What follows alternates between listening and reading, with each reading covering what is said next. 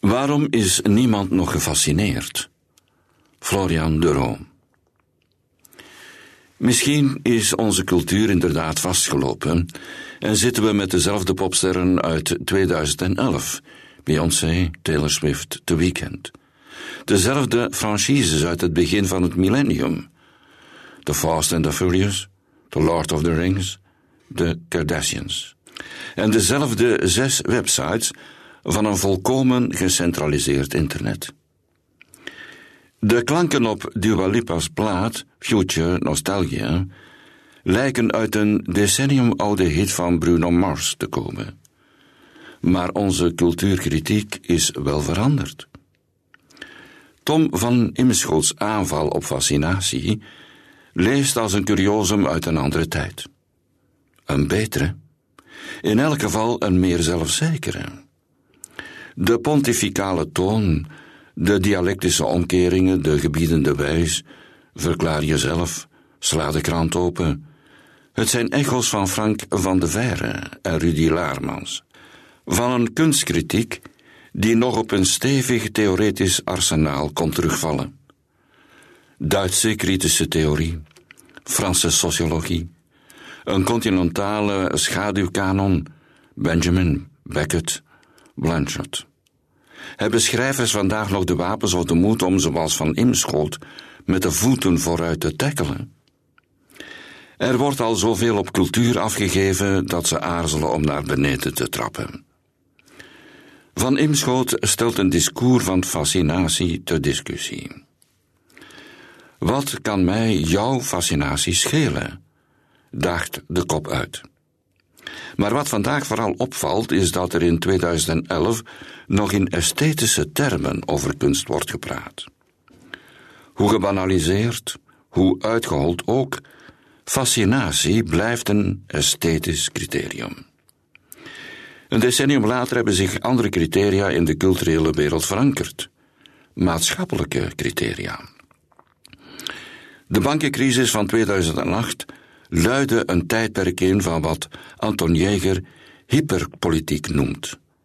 Alles en iedereen moet maatschappelijk ingezet worden, ook de kunsten.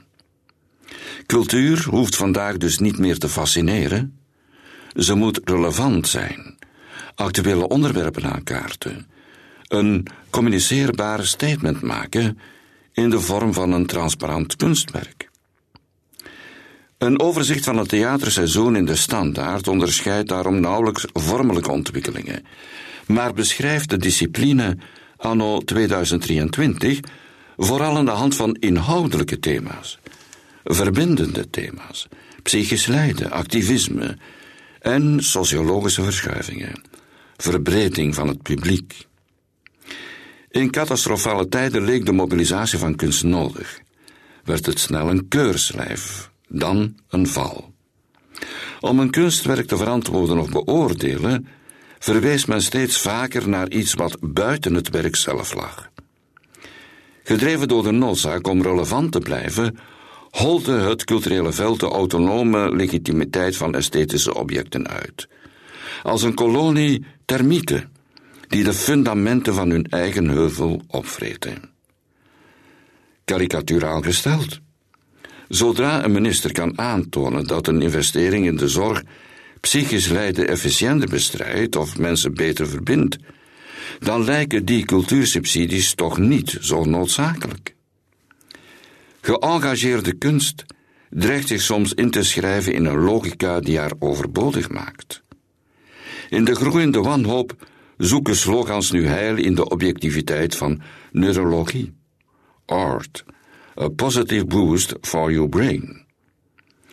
Van Imschot's stuk lijkt zo gezien een voorbode van de vermaatschappelijking en politisering van het heersende kunstdiscours.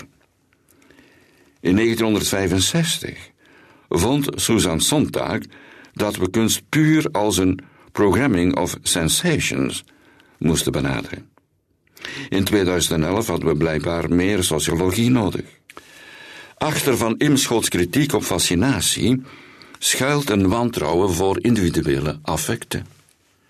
Hij verzet zich tegen de positieve omwaardering, van fascinatie tot een deugd, ondanks de verstommende geraaktheid, de dwangmatigheid, de passiviteit, die deze ervaring met zich meebrengt. Nu we nauwelijks onze aandacht op de televisie kunnen houden, lijkt het inderdaad een verdienste om nog passief door één iets geboeid te kunnen zijn. Nog iets anachronistisch aan fascinatie. Als de kritische toeschouwer vandaag reflexmatig naar een oordeel springt, hoe bevestigt, ondermijnt dit werk hegemonische structuur, X, Y, Z, dan zweeft deze ervaring nog even boven de verontwaardiging of goedkeuring.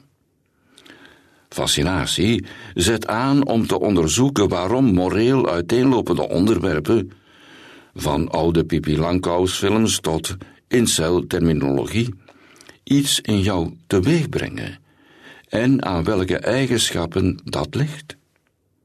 Net dat persoonlijke, excentrische karakter lijkt van Imschoten te storen.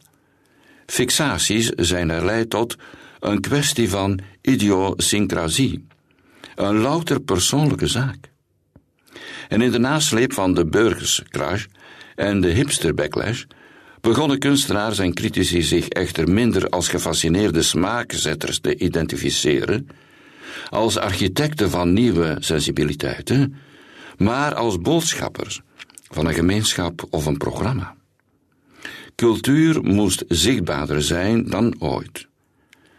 Maar een fijngevoelige fascinatie voor hoe dingen eruit zien, voor stijl, werd verdacht, pretentieus, een decoratieve bijzaak. Politieke en identitaire distincties vervingen stilistische onderscheidingen. En misschien is het ook daarom dat cultuurproducten zichzelf steeds minder moeten onderscheiden, toch op een vormelijk niveau. Maak gewoon nog een Indiana Jones film, identiek aan de vorige, maar met Phoebe Walter-Bridge in de bijrol. De devaluatie van particuliere fascinaties is misschien ook een van de redenen waarom we nu schijnbaar allemaal naar dezelfde Netflix-series kijken, met een soort tolerante verveling. Het verklaart waarom Pitchfork, ooit de gatekeeper, die de kleinste nuances oppikte in het snel veranderende veld van cool, Beyoncé's Renaissance uitriep tot Best Album of 2022. 19 jaar later, na haar debuut, 11 jaar nadat Van Imschoot haar fascinatie hekelde. Florian de Roo is doctoraatstudent aan de VUB en U Gent, waar hij aan een dissertatie werkt over zintuigelijkheid in reisliteratuur. Hij redigeerde er samen met Daan Borloo de Netflix SS 2021. Hij werkt momenteel aan een boek over de film L'Atalante van Jean Vigo. Hij is redacteur bij Recto Verso.